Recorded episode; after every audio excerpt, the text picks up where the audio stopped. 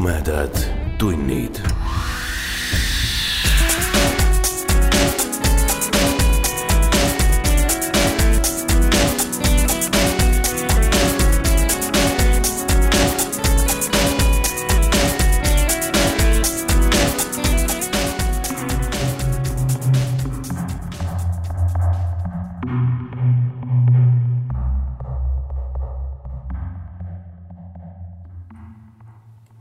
Tere tulemast Karitsa jahispordibaasi.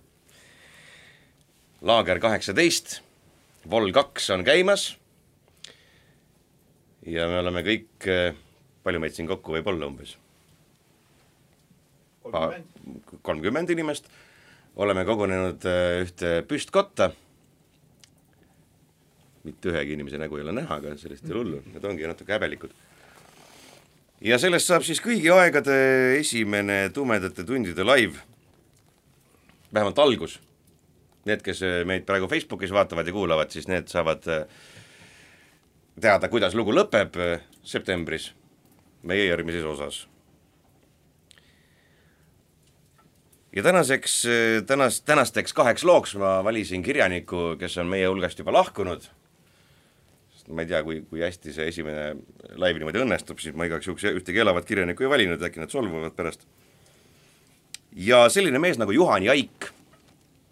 Juhan Jaik on ütleme, no kõige esimene ja kõige tuntum, kes hakkas igasuguseid õudus- ja, ja ulmeasju kirjutama, oli loomulikult Kreutzwald, aga ütleme, Juhan Jaik oli selline järgmine mees, kes siis eelmise sajandi alguses eh, päris palju igasuguseid tondijutte ja muid süngeid jutte äh, avaldas ja kui, siis kui mina veel noor olin, siis eh, mulle meeldis väga tema raamat Kaarnakivi, mis on täpselt minu sünniaastal, tuhat üheksasada kaheksakümmend ilmunud.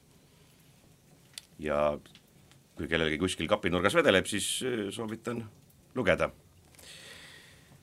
ja esimese looga lähmegi, lähmegi minema ja selleks, selleks saab olema mm, selline lugu, mis räägib natukene aega tagasi möödunud tähtpäevast, milleks loomulikult on jaanipäev. loo pealkiri on Jaaniöö. ammu-ammu oli too imelik jaaniöö. nii ammu, et ka see sajaaastane vanamees, kes elab otse Munamäe kõrval neljakandilises onnis, et ka tema selle sündmuse üle järelpärijaile peab vastama, ei mäleta, mitte ei mäleta aga et see lugu tõesti sündis, selle tunnistuseks on too must kivi Rõuge kiriku seinas, mille aga sõja ajal suurtüki kuul lõi välja. too kivi muutus just tollel jaaniööl mustaks, kui sündis Must Munamäel see õudne lugu. oli siis kord kätte jõudnud jaanilaupäev, mida vanasti võrratult pühitseti Võrumaal. siis, kui päike alla laskus ja metsatukad, kauged ja lähedadki, sulasid pehmesse sinna. kui nende vahelt järvedelt tõusev udu mähkis nad õrna ööhalli. kui vaid põline tõrvapalu kangekaelselt kisendas läbi öö, et tema on pime ja must. siis aga muutus taevalaotus. ta sai roosa pehmeks, kuna lääs lõkendas veel kisendavalt tollest lääne taeva öö otsa kestvast helgist siis säraski heledalt Rõuge kiriku torn ja esikülg ning Tõrvapalu kuuskede ladvadki sätendasid. otse kui oleksid kuuskede teravad okkad rebinud ülelendavatelt vareseparvedelt verd, mis jäänud peente pärlitena ladvaharude külge sätendama. aga mäeladvad, mis kui määratud püramiidid tõusevad kõigest kõrgemale, nendegi harjalagendikel ja tiputukkadel mängles eha salapärane helk. oli kui hooletu pintsliga tõmmat piki valget kasetüve suur punane värvilarakas. oli virutet sinna hoo ja vihaga, et kaselehtedele ja männiokkstelegi lennanud piisad. aga tund saabus ometigi, mil hämarus tihenes. siis ilmusid mäelatvadele tuled paistis neid silma kaugelt ja lähedalt tuhandeid olid kõrgemal metsadest, leidis silm neid kõrgelt pilvedegi alt, sest läbi öö ei seletunud silmile mägi, milles põles Jaanik. tuled vilkusid kaua. kestis kogu öö too kirendus üle kogu Võrumaa, sest Jaanikuid säras rohkem sääl kui tähesilmakesi taevas. Nad virvendasid salapäraselt, olid kui elavad olevused, kes pilgutasid teineteisele tervitavalt silmi. Aga Munamäe Jaanik oli alati suurem kõigist sest see pidi paistma üle kogu eestlaste maa. sinna laoti ikka määratu virn puid ja kui leek neelas tolle üleni, siis sädeles selle kuma laial Peipsil suuremalt kui Koidupuna, mis tõuseb Peipsi idarannalt.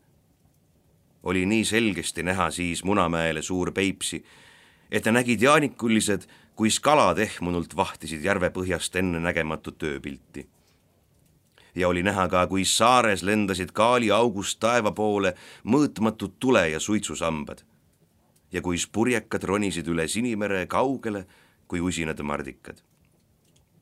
suured rõõmupäevad olid jaanikupidud Munamäel. kihas alati siis Munamäe ümbrusrahvast, kes kogunenud kaugelt ja lähedalt. oldi rõõmsad, nii palju kui osati. ja kui saabus uus päev olid igale poole viivad teed üleujutet rahvast, kes lahkus jaanipeolt. aga korra pidi asi minema hoopis teisiti. see tuli sellest, et mõni nädal enne jaanipäeva leidis külamees Tabi metsast poolsurnud vanapagana. too oli vana metsaelukas, jäänud nõrgaks ja armetuks, ehk oli teistest omasugustest maha jäetud surema Tabi vaatas esmalt kohkunult karvast imelooma. aga kui ta selle seisukorrast aru sai ja nägi, et õnnetu nägu palju sarnanes inimese omale ja et tal silmad olid hädast nutused, läks Tabi süda haledaks. ta tuli talle kodust hobusega järele ja viis vanapagana ära koju. ei julenud Tabi vanapaganat võtta tuppa elama. ta lukustas ta aita kuid vedas enne koormaid värskeid heinu sinna sisse, et vanamehel poleks küljele kõva. siis jootis ta teda piimaga ja söötis kartulitega ja juba mõne päeva pärast oli vanapagan terve ja priske. Tabit, ta perenaist ja lapsi nähes muutus vanapagana nägu lahkeks ja ta rääkis midagi pagana keeli ja liputas sõbralikult saba. olid kenad päevad need, kui Tabi lapsed mängisid vanapaganaga, kui see laskis päe imelikult longu kui lapsed kepi otsaga sügasid ta kukla tagust. Tabi hoidis vanapaganat salaja enda mann, sest ei võinud tulla siis hääd, kui inimesed sest kuulda saaksid. aga vanapagan ise ei teadnud ettevaatusest midagi. juba ta vist arvas, et kõik inimesed on nii hääd kui Tabi perekond. ta õppis lastelt laulma ja ööd-päevad kuuldus Tabi aidast imelikku joru. kole hääl oli tal ja öösiti karjus päris kõvasti karjalaste laule. kuid külakoerad tundsid selles hääles midagi võõrast ja ulusid kogu öö. küll katsus Tabi seletada märkide abil vanapaganale, et ta oleks vait, aga ei too sellest aru saanud. vanapagan oleks võinud tuua kaela Tabile suuri sekeldusi ja Tabi tuli otsusele, et vanapagan tuleb meelitada metsa tagasi. aga ei see kerge olnud nagu tabi sai vanapaganaga väravani, pööras viimane kohe ümber ja asus rahulikult aita tagasi ja hakkas laulma. ühel ööl, kui vanapagan kangesti norskas, veeretas tabi ta vankrile ja vedas sügavasse metsa. kuid hommikul oli vanapagan juba tagasi. tabi oli paganaga hädas. juba teadsid külas kõik, et tabil on kodus vanapagan. käisid kõik vaatamas imelikku meest. see kestis nii mõne nädala kuid siis ulatusid need jutud kirikuõpetaja kõrvu. see juba teadis, mis vanapagana tuleb teha. oli ju parajasti jaanilaupäev. Munamäel oli hiiglapuuriit juba valmis laot. kuid täna tahtis ka kirikuõpetaja jaanipidu kaasa teha. mitmekümne mehega tulid nad tabi tallu, sidusid vanapagana käed-jalad kinni ja viisid Munamäele säädsid tule riidale, et pahale vaimule teha otsa. aga ei olnud õhtu veel. vanapagana hukkumist pidi nägema kogu rahvas. selleks nad jätsid vanapagana sinna ja panid vahid juurde, et ei saaks kuri loom põgeneda ära. kuid õhtu eel kogunes mäele määratu rahvaparv. kihasid põõsad ja puuladvad inimestest ja salasosin käis suust suhu. Papki oli aegsasti platsis ja pidas pikka kõnet kurjast vaimust ja jumala riigist. kuid kui vilksatas kaugelt, vist Otepää mägedelt silma esimene jaanituli lõpetas papp kõne ja süütas tuleriida põlema. sügav vaikus tekkis nüüd.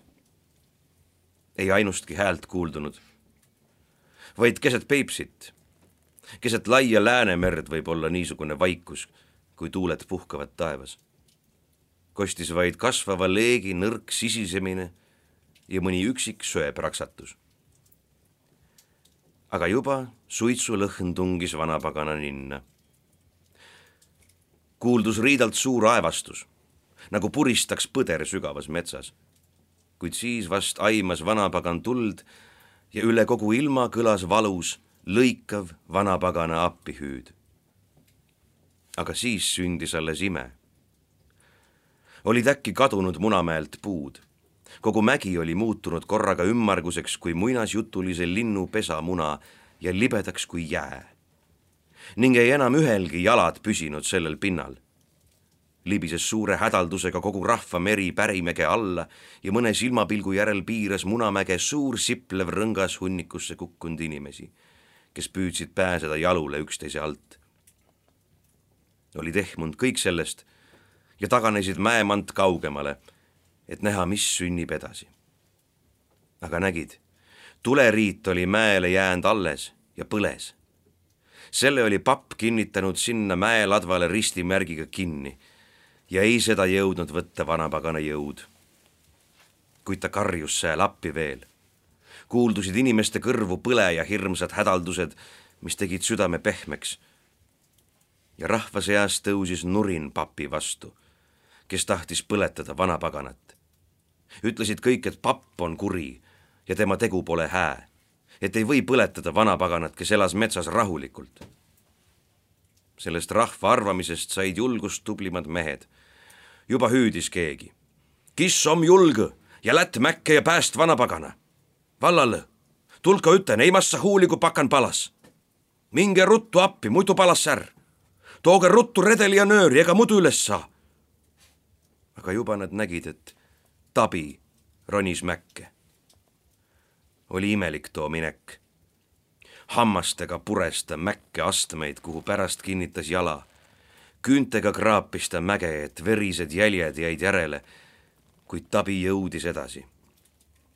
paistis too vaatajaile kõigile ja ka neile, kes olid teisel pool mäge, sest mägi oli saanud läbipaistvaks kui klaas ja sinna otsa roniv inimene näis õhus rippuvana nagu ämblik, kes oma köit mööda ronib taeva. aga tabi jõudis juba üles ja kadus leekidesse. hirmul vaatas rahvas sündmust, sest põlevast tulevirnast lendas nüüd kõrgele üles määratult tihe sädemelend.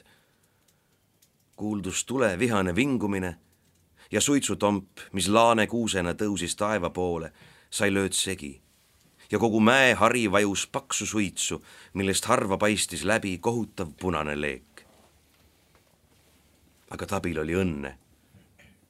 pea ilmus ta suitsust nähtavale ja talutas kättpidi vanapaganat, kelle nahk kõrbend tules lagedaks ja siledaks. ei olnud enam karvakübetki, isegi päälael sarvede ümber mitte. Värises surmahirmust ja oli segane lämbumisest kuid toibudes tõusis ta äkki lendu. tegi suure keeru õhus ja laskus siis talude taha metsa, maha, kust tuli kuuldavale kiire jooksumüdin. Rõõm valdas rahva. elagu tabi, elagu, elagu tabi, tubli miis, kuuldus kogu aeg, kui tabi laskus mäelt alla. rahvas piiras ta ümber, tahtis pigistada katkida. Aga vahepeal oli muutunud Munamägi jällegi endiseks ning rõõmuga ruttas rahvas sinna üles. praksudes põles suur jaanik. maailm oli jaanikutega kui taevatähtedega üle külvatud ja igast metsatukast vilkusid nad vastu kui jaaniussid. kaugel Saaremaal tõusis kaaliaugust taeva poole üles määratu tulesammas ja toripõrgu suul mängisid kuradikutsikad. kestis pidu hommikuni, siis vast valgus rahvas koduteele. aga papp oli jooksnud surmahirmus kodu poole. oli jooksuhooga põrganud vastu kiriku seina ja saanud surma. ja see kivi kiriku seinas muutus mustaks. aga Tabit ootas kodus üllatus. nägi, et sooheinad aidas olid muutunud kõige paremateks ristikheinteks ja vanker, millega ta vanapaganat metsa vedas, muutunud ilusaks vedruvankriks. Tabi kõhnad lehmad olid muutunud lihavaiks ja ammusid kui pasunad. vanapagan jäi kadunuks. aga järgmisel jaanipäeval leidis Tabi, et vanapagan oli öösel käinud ta õues. Tabi tundis hästi ta sõrajälgi. järgmiseks jaaniööks viis Tabi aita vakakartuleid ja pütipiima. Hommikul olid need nõud mõlemad tühjad, aga kummagi põhjas oli suur kuldraha. Tabi pojad kes mängisid vanapagana sarvejurakatega ja sõbralikult sügasid ta kukalt, said tublideks meesteks. aga veel nüüdki käib vanapagan igal jaaniööl tabi õuel, kuid ei näita end inimestele. vist ta elab kusagil tihedas võsastikus, sööb mättalt marju ja pikutab päikesepaistel. Selline lugu esimeseks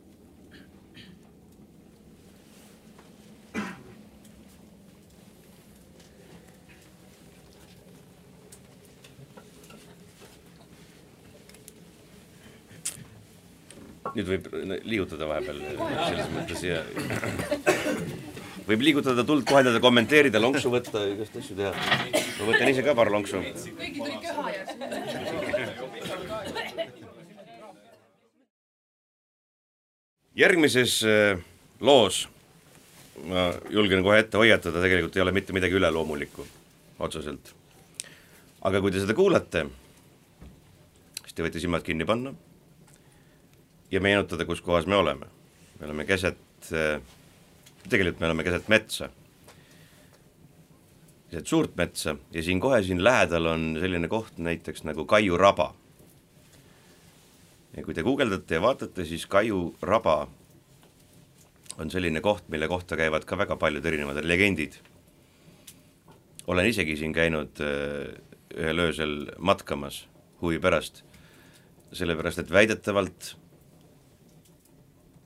on siin äh, näiteks äh, ufode stardiplats, siis inimesed kaotavad siin rabas aega,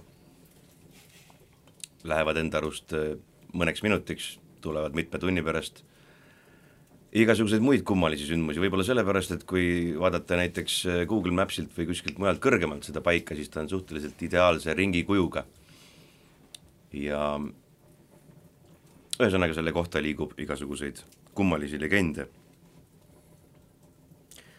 ja see lugu, mis ma teile loen, on jällegi siis Juhan Jaigi sulest ja kannab pealkirja Laanemees.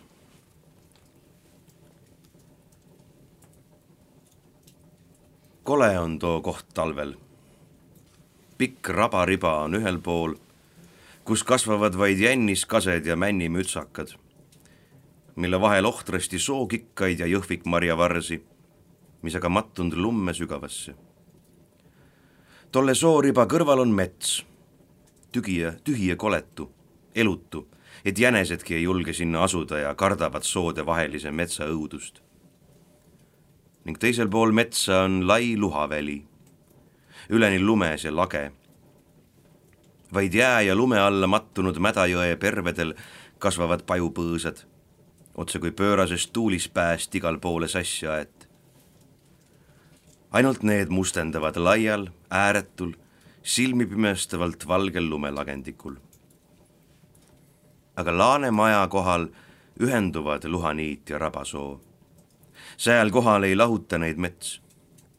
ning sellepärast valitseb sääl lumetuisk järelejätmatult. on alatine tuuletõmb sääl, mis toob kaasa uimastavat soomürki ja jõe poolt niisket veekülma, et hingata on alati raske ning kahelt poolt vaatab külmalt mets. nii külmalt, et kohates seda pilku, hakkab värisema süda sees ja koledus tõmbab küüntega üle selja. Hakkab tinana pähe üksinduse ja mahajäetuse tunne ja abitult hakkab silm otsima säält paigast ära viivaid teid, mida aga ei ole ühti. peale üle kõrgete lumehangede looklevate suusajälgede roobasjoonte. Noid roobasjooni aga oli palju ja nad jooksid kõik Laanemehe majakese juurde kokku. olid sirged nad kuni viimase maja äärse lumevallini ja sealt laskusid alla ukse ette. sest tuulehood, keerutades ümber majanurkade, olid kandnud majaseina lähedusest lume eemale. nii et eemale olid tekkinud suured kõrged hanged, et vaevalt paistis nende vahelt must kortsna ots kui känd selles majakeses elas Laanemees, Karulaane metsavaht. Siia onni käis ta puhkama öil ja siin soojendas endale toitu, laadis padruneid, keetis püssirohtu ja nülgis jahisaaki. siin oli ta kodu.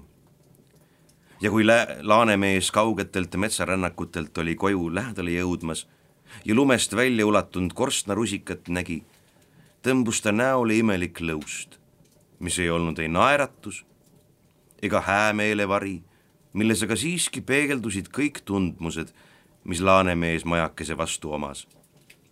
kõik tema ja tema maja ühte sobivus ja poole tema eluaja jooksul ühte kasvamus tolle madala majakesega.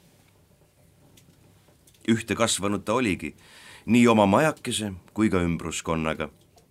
oli kui liikuv tükk tollest maastikust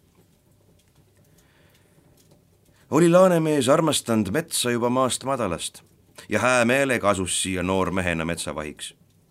sest kus mujal kui siin on inimesel suurim vabadus. ja meelevalla all suur mets, nii kaugele kui jalg jõuab viia, nii kaugele kui oskas igatseda ta süda, mis janunes metsaõhu ja vaigulõhna järele siin vaid võis ta käia padrikutes ja tihnikutes, kuhu kunagi ei juhtu inimese jalg siin võis ta rajada teid, mida ei saa tallama teiste inimeste jalad. siin võis ta õppida loomade ja metsa keelt ja läheneda tollele, aimata toda selgemini, mis on kõigile metsa hinges arusaamatut ja kummalist. nii ta elas siin ja käis inimeste seas harva. oli võõrdunud inimestest ja saanud nende vastu umbusklikuks tundis, nagu oleks mets talle pühendanud oma saladused, mida ta muile avaldada ei tohtinud. kuid mis talle eneselegi ei olnud kunagi konkreetselt selgunud ta mõttevallas. ta oli metsakaitsja, kehastunud metsavaim, oli omandanud metsalt palju. ta silmad olid välkuvad kui ilvesel ja asted varitsevad, hiilivad. ta elas ammu üksi metsamajakeses ei kohutanud teda sugugi, kui uduseil sügisööil kuuldus mürgiaurusest soost kuradi võigas köhimine ja tuule ulumine kändude vahel ja metspuude tuules murdumine. tummalt vaid vaatas ta siis aknasse ja huuled liikusid ning paistis otsaesiselt, et ta katsus midagi mõista, kuid jäi siis jällegi rahule, toimetas midagi, istudes toa põrandal päev ajunud ettepoole ja liigutused aeglased. ta lähedal põles väike lambikene ja ükskord kustus see tähelepanematult. ja samuti märkamatult oli kadunud Laanemees voodisse ja magas vaikselt. külmadel talveöödel aga, kui nõiad sool sõelusid lund ja oigasid ning maru kihutas heinamaalt mädasoole lund ja nagisesid laanemajakese katus ja seinad. kui tuuletont puhus korstnaaugu üle kohutavat vilet, istus laanemees samuti toa põrandal, aga tööd ei teinud siis mitte. tõstis vahel üht ja teist kõrva, nagu katsuks eritleda tuuletontide hääli ja kindlaks teha nende kaugust majakesest. ning nägu oli tal siis kahvatu ja käed laskunud abitult kõrvale. aga ta kõrvakuulmine oli nii terav et kuulis ja märkas tormi hüüetes esimese väsiva noodi. ja seda kuuldes sai kergemaks Laanemehe olemine ja ta võis julgesti jätkata omi loominguid toas ja heita puhkama puuvoodile, kui Koiduni oli veel aega. aga kevadel ja suvel jättis Laanemees mõnikord päevadeks maha oma majakese. liikus siis paigast paika ja vaatles puid ja silmitses linnupesi. Istus niidu ääres põõsas ja jälgis metsloomade öömängu ja augumaal kirglikku tedrepidu. ning teda valdas tahtmine kõike näha, teada kõikide metsloomade asupaika, hiilida neile võimalikult lähedale ja kasvatada nende usaldust tema vastu.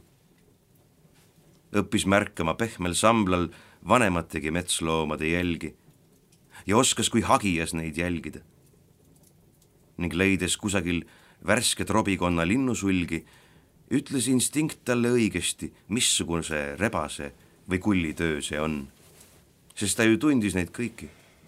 ja süüalune ei jäänud kauaks ta tabava haavlilaengu eest peitu. kui ta siis vahel tagasi tuli oma laanemajakese manu, ei tahtnud ta astuda sinna sisse. oli võõrastav talle juba tubagi pärast mitmeid ööbimisi lageda taeva all. Vaatas vaid aknast sisse ja kui toa sisemik oli korras, istus kivi otsa ja vaatas kaua liikumatult metsa poole või magas seliti murul, kattes kätega silmi, püss risti päe all. ning kui oli säädinud loomanahad hoolikalt kuivama, kadus ta jällegi metsa, et näha ja tähele panna metsahiiglaste tüvede vahel igasugust eluvaldust ja vähimaidki muutusi. Nii kestis see sügiseni. ja siis tuli tali. niimoodi käis ajaratas ringi ja Laanemees muutis oma toiminguid vastavalt aastaaja järele. aga alati ei olnud Laanemehe elu rahulik ja muretu. ning alati ei rahuldanud teda vaid mets ja too mõistmatu ilmastik.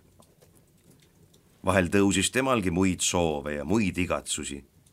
Iseäranis siis, kui ta käis inimeste seas nahku müütamas ja leiba ostmas siis, saades kokku oma vanaaegsete tuttavatega ja kõneldes nendega, kuulis ta ilmast mõningaid uudiseid, mis tõid ta ühekülgsesse mõtteilma korratust ja segiminekut. ning pärast tagasijõudmist kulus ära mitu päeva, enne kui lahtusid Laanemehe pääs tekkinud kahtlused ja elu oli jällegi endistes roobastes. Raske oli tal lahti saada inimeste keskelt lood muljetest ja kui see siiski korda läks, kasvas ta umbusaldus sedavõrd suuremaks, kui suured olid lahkhelid, mida andis kaasa kokkupuutumine muu ilmaga. aga üks asi, millest ta aastate kestel kunagi lahti ei saanud ja mis ikka varjuna ta järel käis ja millest ta ajuti õige intensiivselt mõtles, see oli igatsus naise järele. see tuikas alati ta veres see soov ja sünnitas talle ta suurimad mured. ning kui ta nägi kevadel sool tedrepidu, tundis see temale kui pilge või etteheide. kuid ta elas nendele metsapidudele siiski isukalt kaasa ning kui küünlakuul kostis ta tuppa jäneste igatsev huikamine, tundis Laanemees, nagu oleks kõrvade kaudu tunginud temasse midagi palavat ja teinud ta rahutuks kui tuli ta vahel jällegi külast, piinasid ta meeli kaua külas nähtud naised. ja tihti käis ta metsaserval piilumas, et näha neid kaugelt. ning mida kauem ta neid vaatles, seda suuremaks kasvas ta argus ja seda kaugemale vajustas ta muu ilm. mõtles, et ükski neist ei ole nõus tulema temaga metsa elama. et kõik nad kardavad teda, kui ta metsast välja astub, et tõukavad teda ära ja naeravad. ja seda piina, mis siis tunneks Laanemees. ka puudki naeraksid siis teda ja tast ei peaks siis lugu ka mustad inetud sookonnad. ja tema lähenemisel jätaks suur must-punase tutiga rähn pooleli oma töö ja lendaks naerukilgetega pajatama kogu metsale Laanemehe häbist. isegi väikesed linnud lendaksid temast põlastades kaugemale Laanemees ei julgenud kunagi astuda naiste pärast metsast välja. aga korra, kui rebasenahad olid õnnelikult möönd linnas ja kodu poole tuli, kohtas ta teel üht oma karjapõlve sõpra. Sammusid pika tee koos ja vestlesid, nii palju kui see Laanemehega võimalik oli. sõber päris tema metsaelu järele, kuid Laanemees jäi nende küsimuste peale võlgu, pildudes vaid vaenulikke pilke küsija poole aga kui ta sõber temalt küsis, kas ta naise mees, ütles Laanemeel lühi, Laanemees lühidalt. ei ole. kas sa peaksid siis naise võtma? no kust sa muidu saad? jääd liig vanaks, ei saagi enam. Ei ole kusagilt võtta, ütles Laanemees elavamalt, kuna ta meelest ärkas arglik lootus, kas ei saaks sõber teda aidata. no toh hullu naisi on ju veel, kui tahad, katsun ajada su asjad joonde. keda sa siis tahaksid? mul ükskõik, missugune oleks. noh, siis lähme koos meile. oled mõne päeva ja valid välja, mis seal siis on? Kas siis mõni tuleb mulle? tuleb, küll ta tuleb, kui ise oskad võtta. no ma ei oska võtta. no kurb küll, ega siis sellepärast ilma või jääda, lähme katsume õnne Laanemees oli nõus. Laanemehe sõber oli imelik mees. ta võttis tõsis, tõsiselt nõuks nii ruttu kui võimalik Laanemehele naist otsida. Arutas oma pääs, kuhu minna kosja ja kuis teha, ent ei jõudnud otsusele. asusid aga veel siiski sama päeva õhtupoolikul teele. Laanemehe sõber tundis laialt ümbruskonda ja inimesi ta peatus iga talu õue kohal, tahtis nagu sisse pöörata, aga millegipärast hakkas siis sääl Laanemeest hindavalt saabastest mütsini silmitsema. nagu võrdles tüdrukuga, kes elas seal talus. Nagu tahtis selgusele jõuda, kas maksab minna või ei. kuid nägi Laanemehe pikka hõredat habet, vana mütsi all sasis juukseid ja riideid, mis täis tõrvaplekke, vereplärakaid ja leherohelist ning põlvenukkide kohal pükstel suured pigipaigad, saapad lõhki, kuivanud ja punaseks hõõrut lõikrohus astumisest. kuid kõige hullemad olid silmad, valkjate kulmude all kui kaks siupääd ja ümber sügavad kortsud kui noaga kisut. ja kogu näoilme justkui tuhkrul. ning juttu mehist ja lõbusat ei mingisugust ütleb sõna siit, sõna säält, nagu kogemata üle huulte, aga silmad välguvad kui hundil. Neis põleb imelik fosfortuli, et inimene, liiatigi naine, hakkab kartma, kui laanemees talle otsa vaatab. ei niisugusega ei julge kuhugi mõistlikku perre sisse astuda. niimoodi käisid nad läbi kõik külateed. taga laanemees ja ees ta sõber eesminev mõtles kogu aeg rasket mõtet, aga tagaastuv järgnes talle truult kui kutsikas ega küsinud midagi. arvas vist, et see pikk käimine on tulus ja tarvilik, et võib-olla nõuab seda miskisugune komme. Mõtles, et peale selle vaeva saab naise ja asi otsas. niimoodi rännates jõudsid nad viimaks tallu, kus elas vana tüdruk. vaid siia julges sõber tuua Laanemehe sest arvas, et vanatüdruk võtab mehe kahe käega vastu. olgu, kes ta on, kui ainult mehe nime kannab.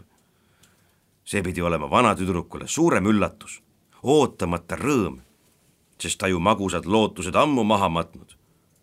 Kuid nüüd, nüüd pääseb häbistavast vanatüdruku nimest, saab kümme aastat nooremaks ja hakkab tantsima.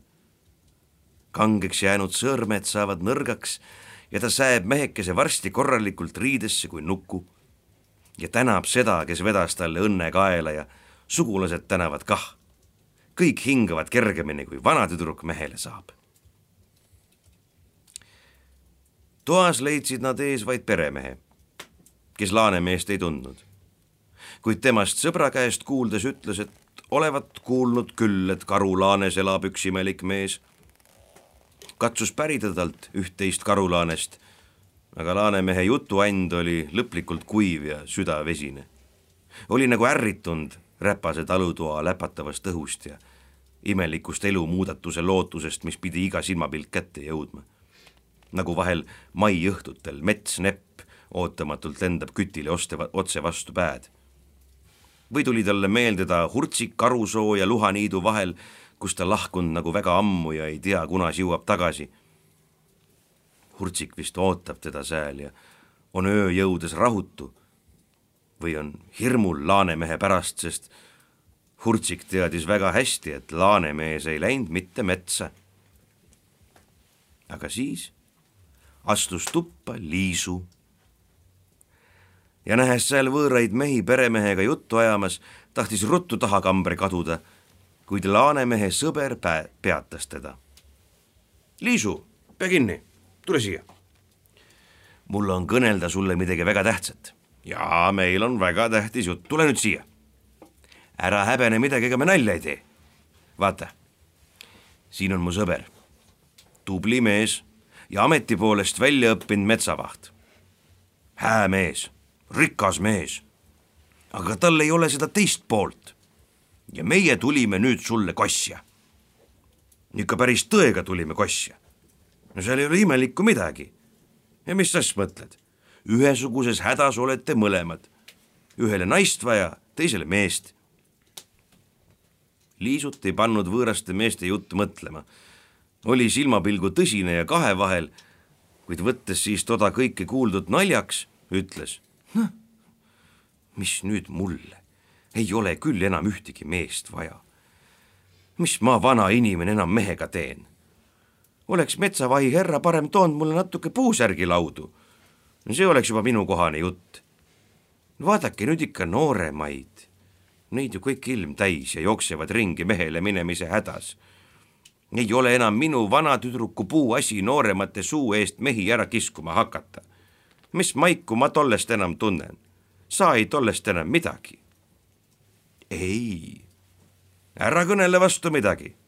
sust saab perenaine veel kui linapund, lööd veel kõigist ette egas Laanemeeski enam mõni karjapoiss ole, temal ka, vaadake, habet ees küllalt ja endal maja elada ja ega sa siis ole enam teiste tõugata ja sundida, saad prouaks veel.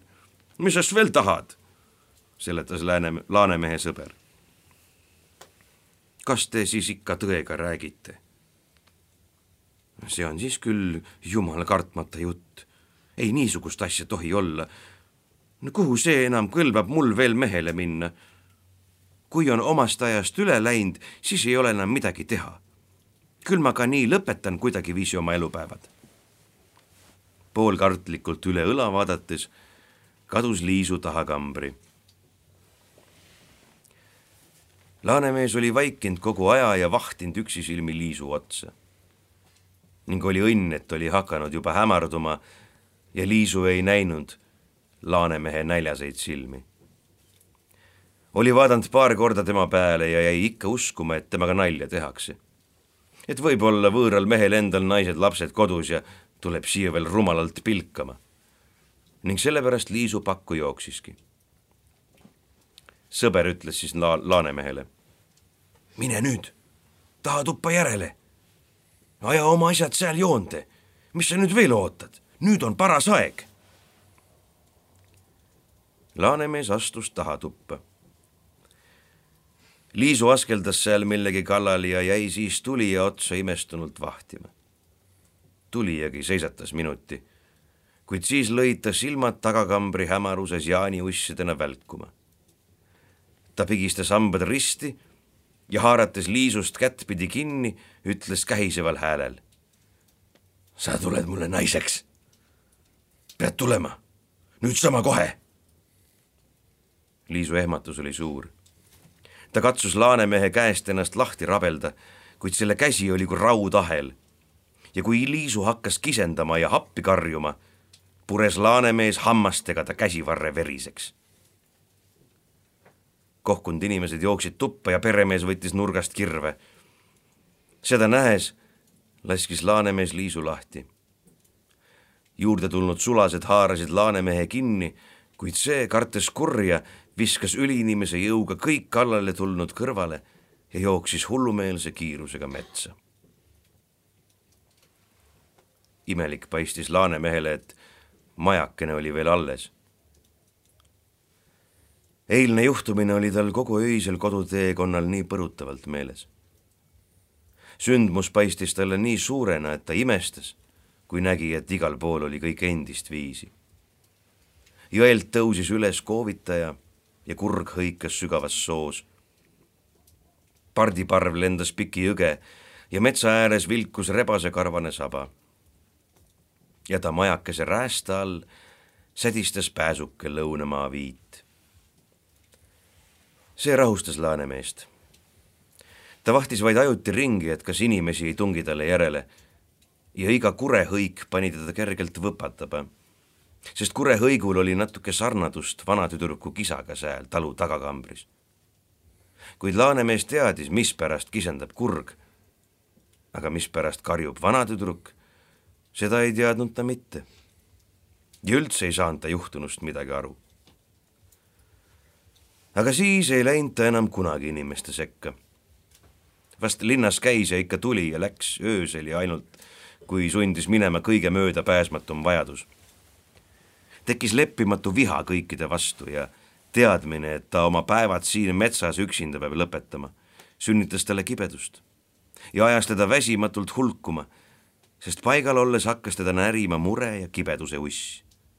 ei hoolinud ta enam väsimusest. Oli karm enda vastu ja ei hoolinud valutavaist kehaliikmeist. hulkus nii kaugel, kuhu veel ulatusid metsad, ent tundus talle sääl siiski veel kitsas. tuli tali ja maha sadas sügav lumekord sellega ühes avanes ka Laanemehel võimalus libiseda suuskadel kergesti üle lumeväljade ja liuelda küngastikel. nii ta matkaski veel laiemalt, jättis oma jälgi igale poole ja tutvunes kõige kaugemate metsaservadega. kuid midagi ei olnud temas siiski enam nii, kui oli enne. suvine juhtumine talus viinud temast ta sisemise tasakaalu, ajanud sassida päevade lõnga, mida ta enne nii kergelt ja lihtsalt aastateks keris kord jõudis Laanemees suuskadel metsast välja põldude äärde. Seisatas sääl ja vaatas talude poole. oli tal ammu mõte minna tallu ja tuua endale seltsiliseks koera. see mõte oli tulnud talle äkki ja kasvanud peagi tungiks, sest koer tuleb ikka temaga ligi.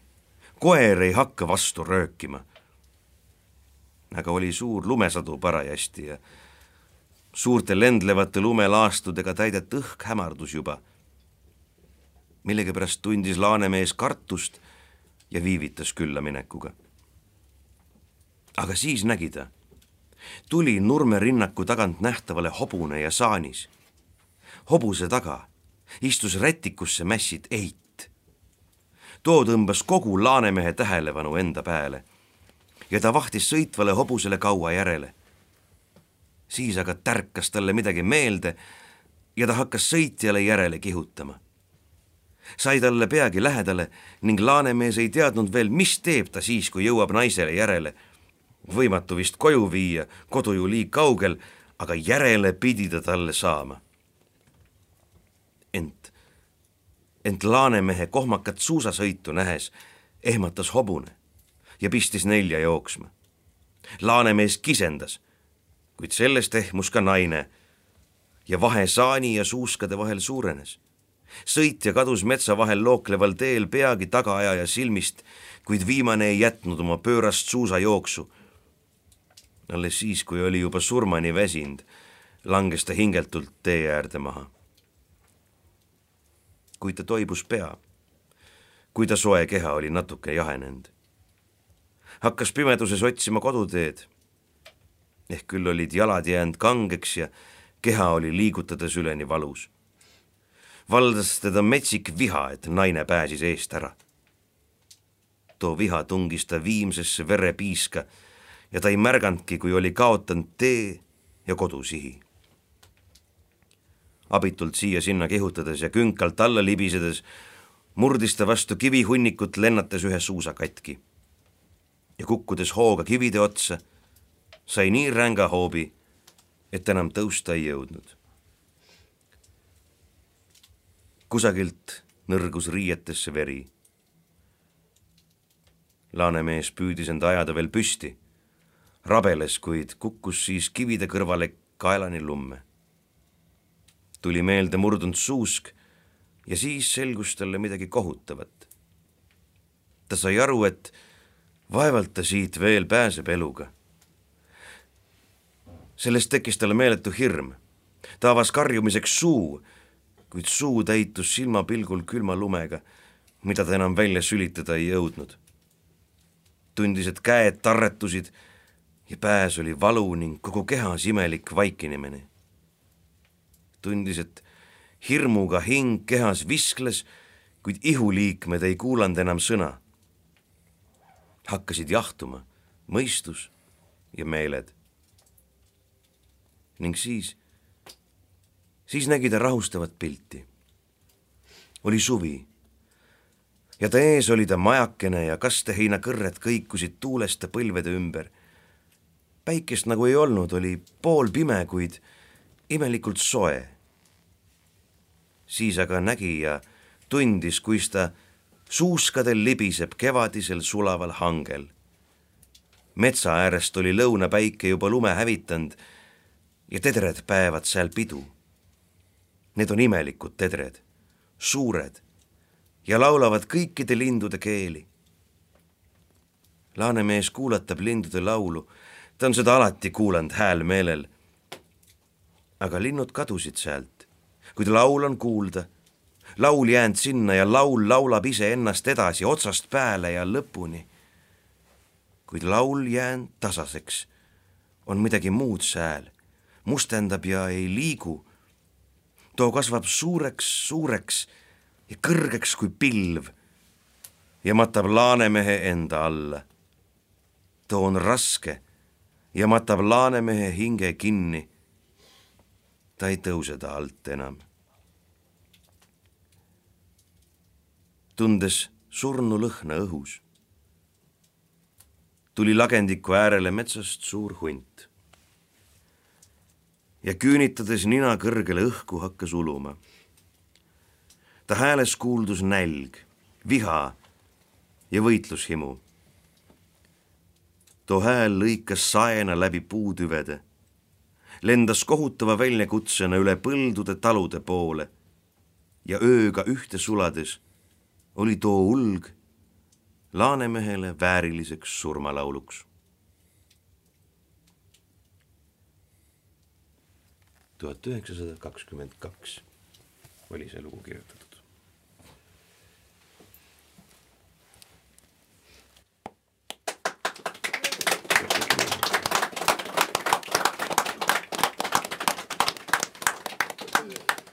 noh, ja nüüd läheme kõik lõbutsema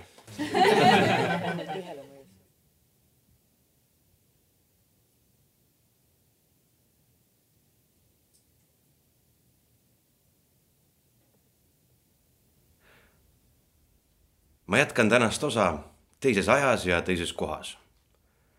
ma ei ole enam Kaiu raba juures, olen ühe teise raba serval, kaugel Läti piiri ääres. ühes metsaonnis, mida kaartidelt ei leia selle loo taustahelgiks on minu kõrval küdev ahi. ja võib-olla aeg-ajalt üle lendavad kured või luiged. Onnis valgustab mind neli küünalt. pimedus hakkab laskuma, vihma ei saja. vastupidi, taevas on nii selge, et ma plaanin pärast, siis kui päris pimedaks läheb, minna raba peale tähti pildistama, kui just noor kuu kõike ära ei riku aga lugu, mida ma teile siin täna loen, on tegelikult päris rahvarohke. Aga toimub ühes sellises kõledas ja sünges paigas.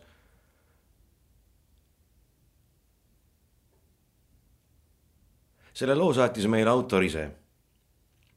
ja mina omalt poolt pühendan selle kõigile neile, kes käisid või ei käinud sel suvel toimunud juubelilaulupeol. ma loen teile Laura Loolaidi õudsa loo öölaulupeo muuseumis. Tiina muigutas viimsed leivaraasud hamba vahelt ja heitis kiirpilgu üle saali. kõigil oli lõbus. naiskoor Emajõe ööbikud oli hoolimata suviharjast tolmusesse Tartusse kohale tulnud. kes Horvaatia päikeses pruuniks küpsenud, kes maakodu maltsavao vahel veel pruunimaks. sinise kirjude seelikute lehvides askeldati paari laua vahet, muljetati ja lobiseti taamal nautis kellegi meespool kambakese teadvalt noogutavate daamide tähelepanu. teisel pool saali seletas abidirigent altide häälerühma vanemale midagi kätega vehkides. Tiina võttis julgustuseks lonksu mulliveini ja kõlistas kahvlit vastu pooltühja pokaali. palun tähelepanu, koguneme kõik suurde saali. Ta jälgis rahuloluga, kuidas kohale voorinud rahvas vaikides ootele jäi veel kord tervitused kõigile. loodan, et olete kõik nüüd veidi keha kinnitada jõudnud ja joogipoolist leidnud. rahva seast kostis heakskiitvat pominat. varsti läheme ametliku osa juurde. koorivanema kõne järel tulevad muusikalised etteasted festivali koosseis esitab paar pala eripreemia saanud kavast ja seejärel kostitab meie estraadiansambel. Teadustusi katkestas kobin ja naerurõkatused eeskojast naiskoori estraadiansambel Endel saabus samanimelise Jaama tänava poekese juurest vallatult fotosessioonilt. kihistades hajus kvartett muu rahva sekka ja peoperenaine kogus end. jah, ja seejärel kuuleme, mida uut ja põnevat on ansambli Endel repertuaaris. pärast etteasteid lõikame lahti tordi. siinkohal panen kõigile südamele, me ei pane kooki ja jooki klaveri peale me ei ole praegu koorilaagris, kus mõnikord juhtub, ja see klaver siin on lisaks ka hindamatu museaal. klaveri ümber kogunenud kõike teadvad daamid pistsid ärevalt sosistades pead kokku ja paar õhtu päikese kiirtes helkinud veiniklaasi kadusid kui imeväel. Tiina köhatas. niisiis, peagi alustame piduliku osaga, siis muusika, siis tort. ja pärast, kui on pimedam, läheme õue tähesadu vaatama. Muuseumi rahvaga on räägitud, me tohime siin varavalgeni toimetada ainus tingimus on, et teeme pärast enda järelt kõik laitmatult puhtaks. ja vastuteenena esinevad ööbikud koos muuseumi kammerkooriga, muinastulede ööl, ikka siinsamas aias. viimase teadaande peale plaksutas kõige innukamalt nooruslik trullakas paar, kelle maitsekalt kooskõlastatud kostüüme kroonisid laulupeo muuseumi kammerkoori rohetäpilised kaelarätid täna õhtul on niisiis terve maja ja aed meie päralt saame tutvuda eksponaatidega, uurida ja avastada. aga nüüd pidulik osa, sõna on koorivanemal. kõned olid peetud, õnnitlused põsemusidega põlistatud ja esimesed torditükidki naha vahel. ööbikud hajusid salgakesi maja peale laiali ning Tiina suundus kepsakal sammul kööki, pooltühjad kannud näpus viisijuppi ümisedes solistas ta kannudesse kihisevaid komponente ja lisas ohtralt jääd. veini järele küünitades ehmatas teda selja tagant kostnud digitaalne trillerdus. Tiina pöördus võpatades.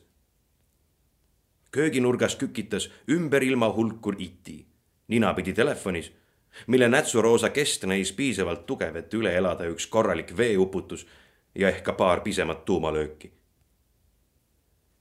mis sa nukrutsed siin, tule tordile. iti pöidlad välkusid mööda kriimulist ekraani.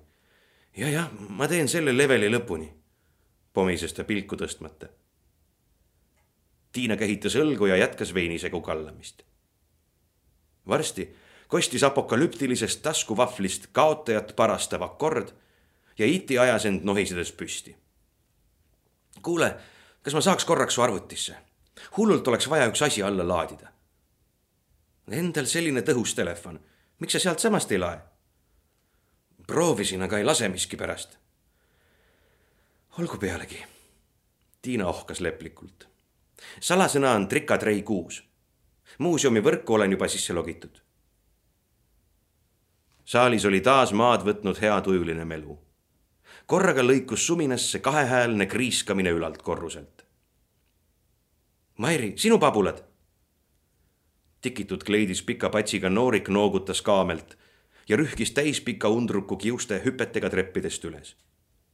tema sabas tulnud uudishimulike seltskond leidis nelja-aastased kaksikud ülakorruse eksponaatide ees suure häälega töinemas. onu pilgutas silma, teadvustas poiss ja tüdruk kaksik sekundeeris talle jõulise undamisega. oi, vahakujud! uudishimulikud kogunesid troppi ja klõpsisid välkude sähvides pilti teha. nii äge! ma polegi neid elusast peast näinud. Mairi kükitas kaksikute ninaaluseid kasima.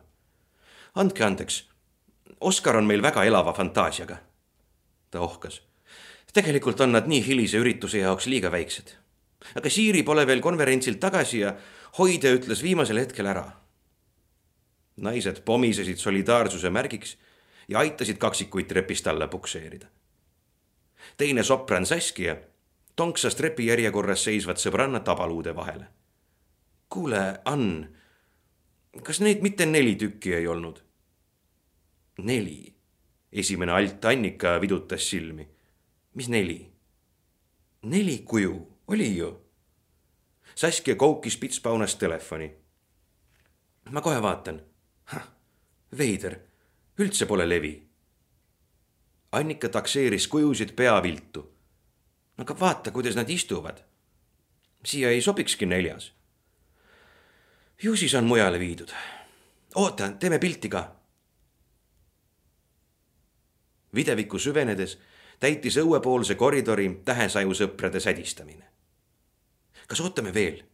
Lähme ees, paneme mõned tekid maha. viime ühe kohvitermose ka paviljoni ei tule lahti, lukus vist. mismoodi lukus, vajutage kõvemini.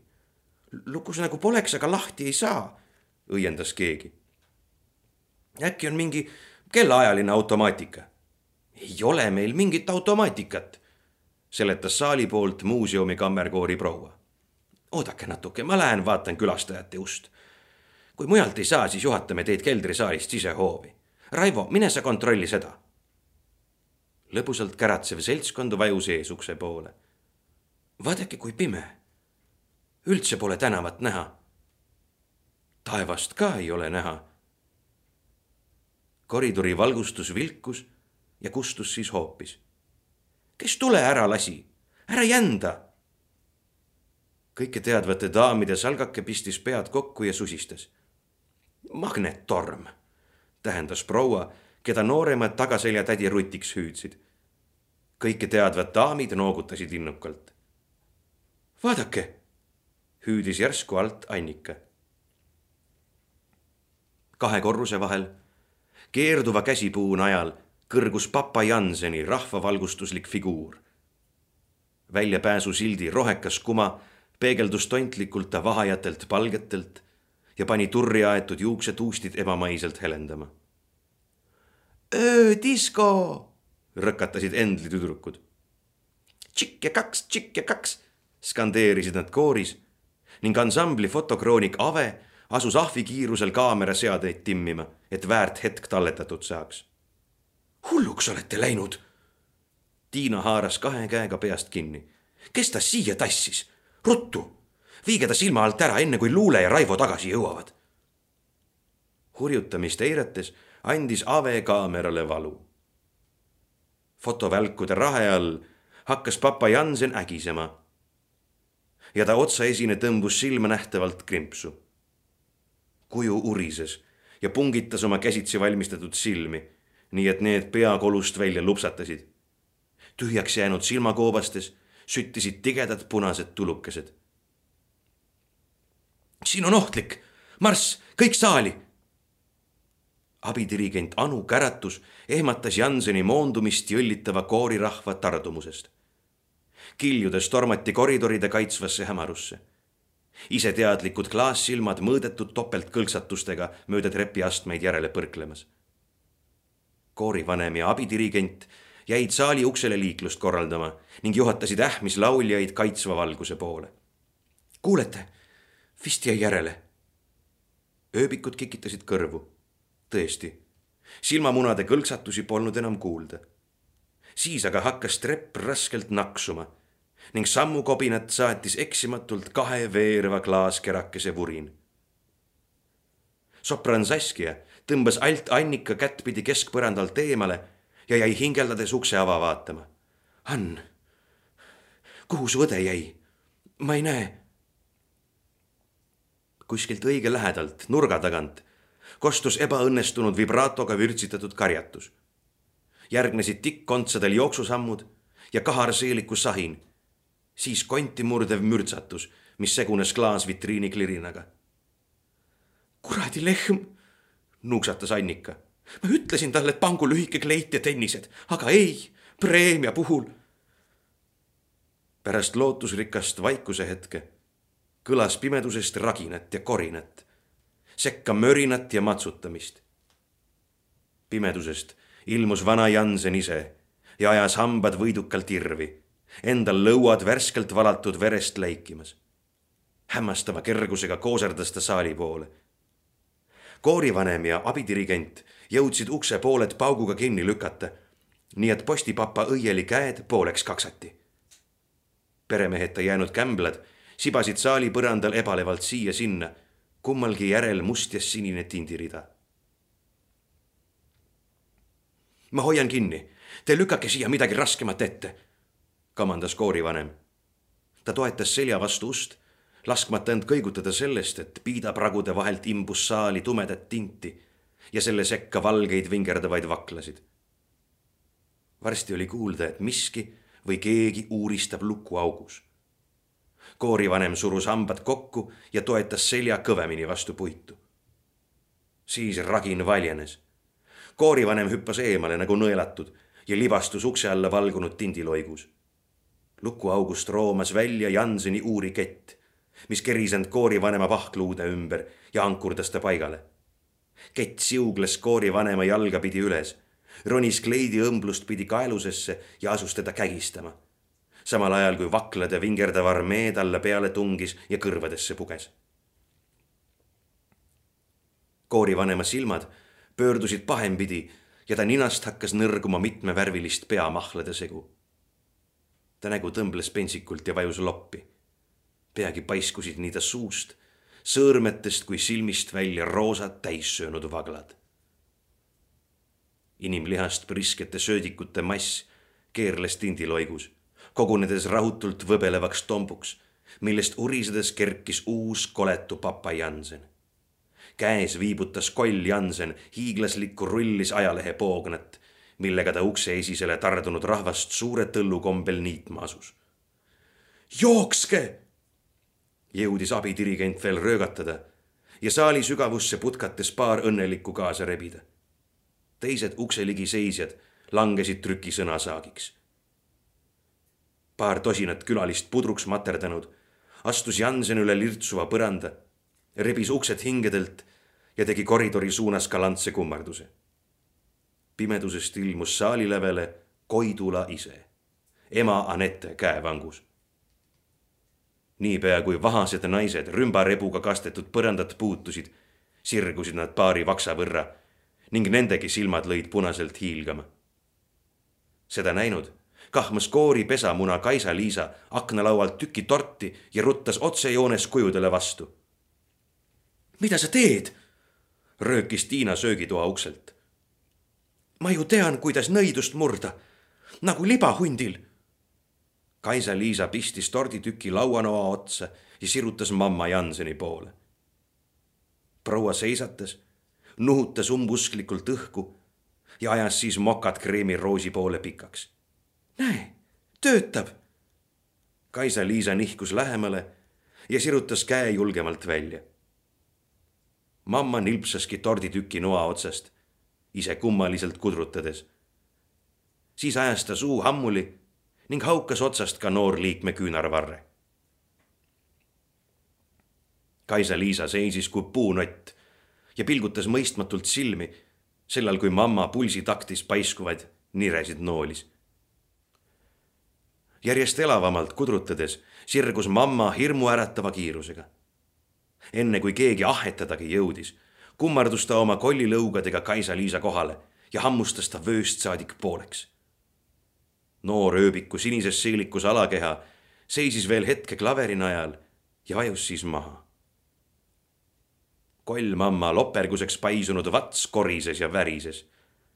veidike silmi pööritanud ajas mamma lõuad veel kord laiali ja pröötsatas välja limase poolskeleti, mis nukra plärtsuga vastu akent lendas.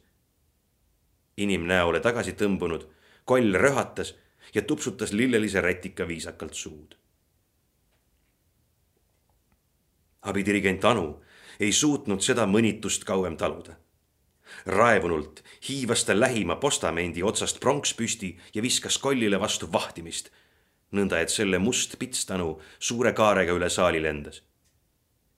Kolli ihuga kokku puutunud pronkspüst hakkas samuti lõugu lõksutama ja inisema, kuid õiget väge sel polnud Anu viskas urisevale metallkolakale põlgliku pilgu ja ruttas lähimat ellujäänute salgakest rööstima. kõike teadvad daamid jälgisid tapatalgu õuepoolsest saalinurgast kasvava halvaks-panuga. no minu meelest ei oleks ikka tohtinud nii kahtlase kuulsusega majas sellist üritust korraldada, seletas üks.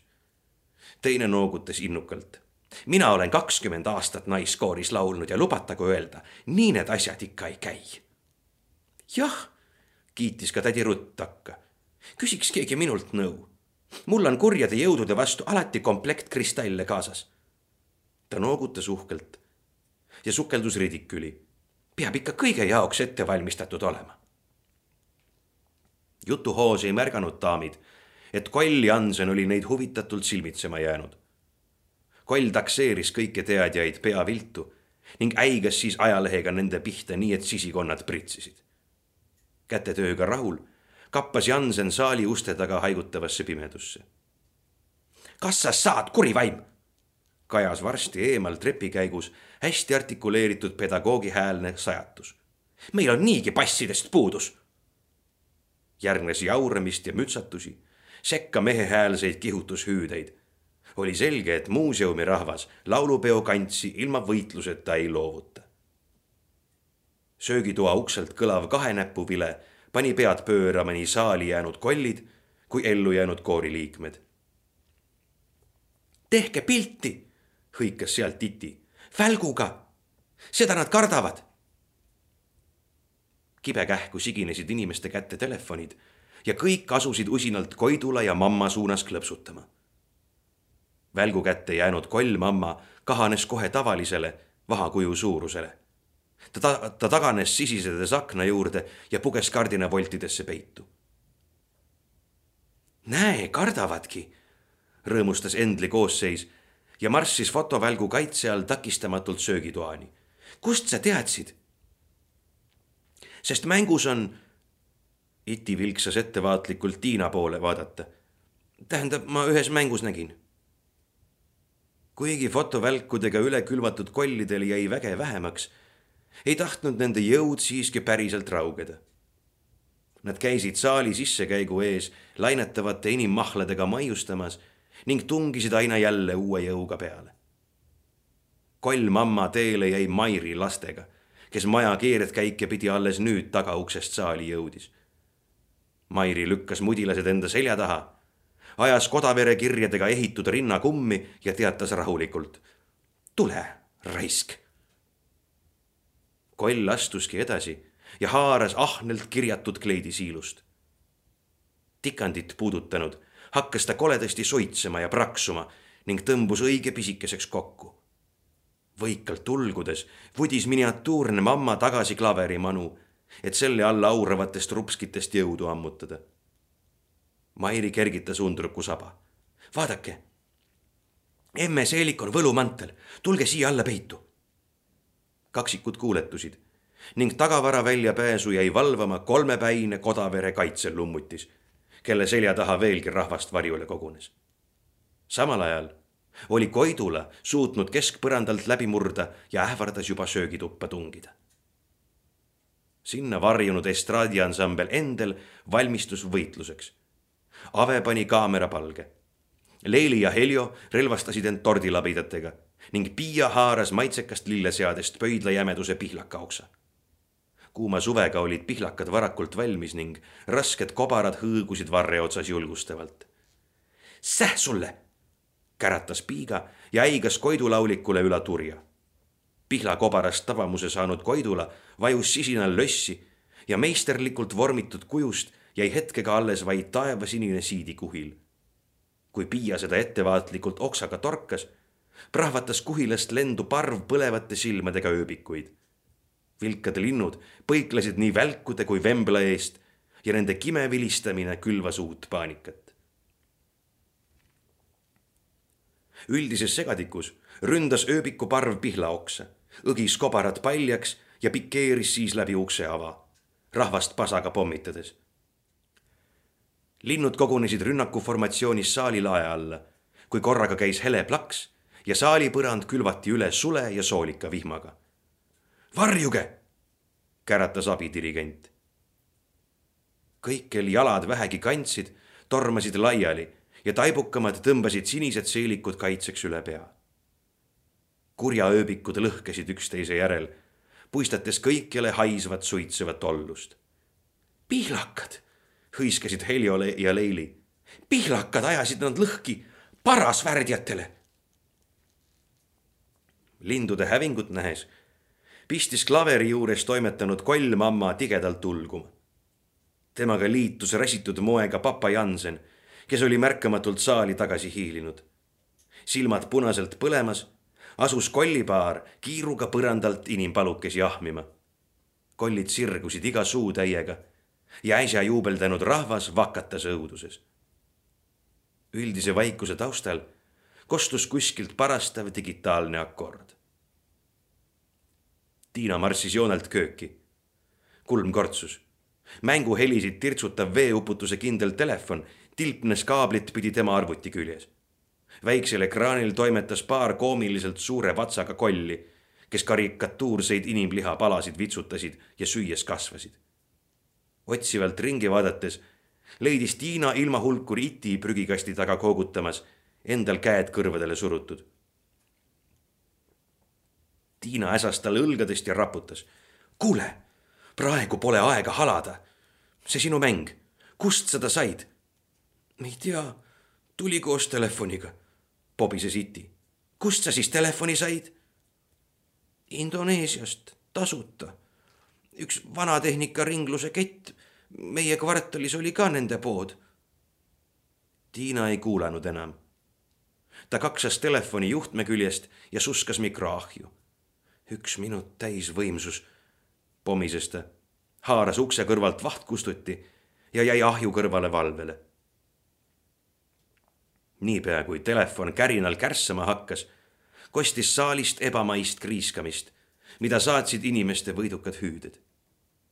Tiina luges mõttes kümneni ja asus kustutiga tööle. varsti kostis läbi ukseavade kõige pesuehtsam aplaus. jätnud ohutuks tehtud ahjuvaraki, kus seda ja teist, kiirustas Tiinagi uudishimulikult saali. seal polnud papast, mammast alles muud kui kaks tossavat riidekubu ja sulanud vahaloigud klaveri all. meie võit, päris keegi ettevaatlikult. ühtäkki kostis lae pealt hirmsat mürinat ning koos kardinapuude ja kipsitolmuga maandus klaverite taga Koidula õde, silmad põlemas ja soeng turris. kaant laksutades tervitas klaver preili Eugeniat ning ajas uhkelt tiiva püsti Preili hüppas kaksiratsa klaveri tiivale. huilates pühkis imelik paar paigalt ning paiskas sopran Saski ja raksuga vastu seina. ma ju ütlesin, et neid on neli, rögises Saskia võidukalt. siis purustas klaveri jalahoop tal pea. tapatööst julgust saanud klaver korskas, lõksutas kaant ja kraapis oma museaalset jalga vastu parketti kes teab, mis looma luust klahvid sirgusid paari hetkega lõuatäieks nõelteravateks kihvadeks. preili Eugenia nõõhüüete saatel kappas eebenipuust elajas otse rahva peale. Tiina käsi tõusis nagu iseenesest. ta vajutas kangi ja löristas vahtkustuti otse klaveri rünnaku teele tühjaks. libedate vahutortidega kokku puutudes tegi klaver koos preiliga paar piruetti kogus keereldes hoogu ja sõitis siis vääramatu jõuga hoovipoolsesse aknasse. rebinud kaasa akna koos raamidega ja tüki seinagi, lendas peletis kahurikuulina üle jalgtreppide ja üle lillepeenra, kuni vastu vana pärnapuud pilbasteks räntsatas. keelte, klahvide ja kleidiriide sasipundar tegi katse puunajal uut kuju võtta. siis aga kires Mäe tänava nõlval ühes iluaias peaaegu vabalt kõndiv kukk. Pilpad langesid kolinal maha ja muuseumi tänavapoolne värav vajus valju kääksatusega lahti. ellujääjad kogunesid seinamulgu äärde uudistama. paar julgemat hüppasid otse õue ja tõmbasid mõnuga värsket õhku kopsu. vaadake, juba koidab, teatas abidirigent, kelle hääl oli öisest kavandamisest üsna kähe. sellest julgust saanud pudenes ka ülejäänud seltskond killustikku krabisedes aeda vabadusse. kes viskusid seelikute lehvides kohe murule sirakile, kes rottasid mäenõlvale levi otsima, kes imetlesid niisama vaadet. Iti poetas end Tiina kõrvale, mättale ja krimpsutas murelikult nägu. ei tea, mis nüüd üldse saab, et muuseumiga niimoodi ja. Tiina uuris helenevat taevast Tartu kohal mida siin-seal määrisid mustendavad suitsulondid. tead, ma ei muretseks eriti. mulle tundub, et me pole selle murega mitte üksi. kuule, mis see oli? vaatenautlejad kargasid sisehoovi poolt kolinat kuuldes püsti. juba kobati käepäraste relvade otsingul ümbrust. siis aga ilmusid nõlva tagant hingeldades Luule ja Raivo ennäe, teie ka elus, hõikasid nad rõõmsalt. ja teie? mismoodi teie ära pääsesite? Raivo keerutas muiates vuntsi. vaadake, meie ajal õpetati ikka tsiviilkaitses, et ohu korral tuleb keldrisse varjuda. jah, kinnitas Luule ja teate, meie keldrisaali eksponaatidel on nii suur laulupeo vägi sees, sellele ei hakka ükski kuri külge kui päike päriselt taevasse tõusis, oli muuseumiöö koledustest pääsenud seltskond end juba õige mõnusasti sisse seadnud. murule olid laotatud linad ja neile kuhjatud kõik toidukraam, mis majast päästa õnnestus.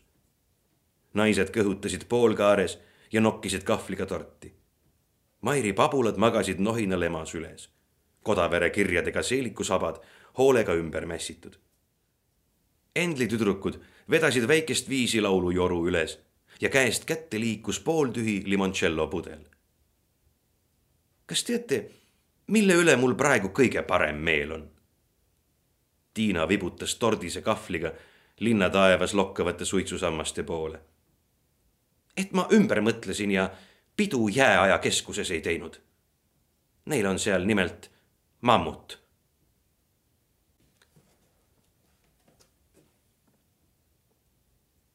nii palju siis tänaseks. mina jään siin oma väikeses vannikeses ootama pimedust.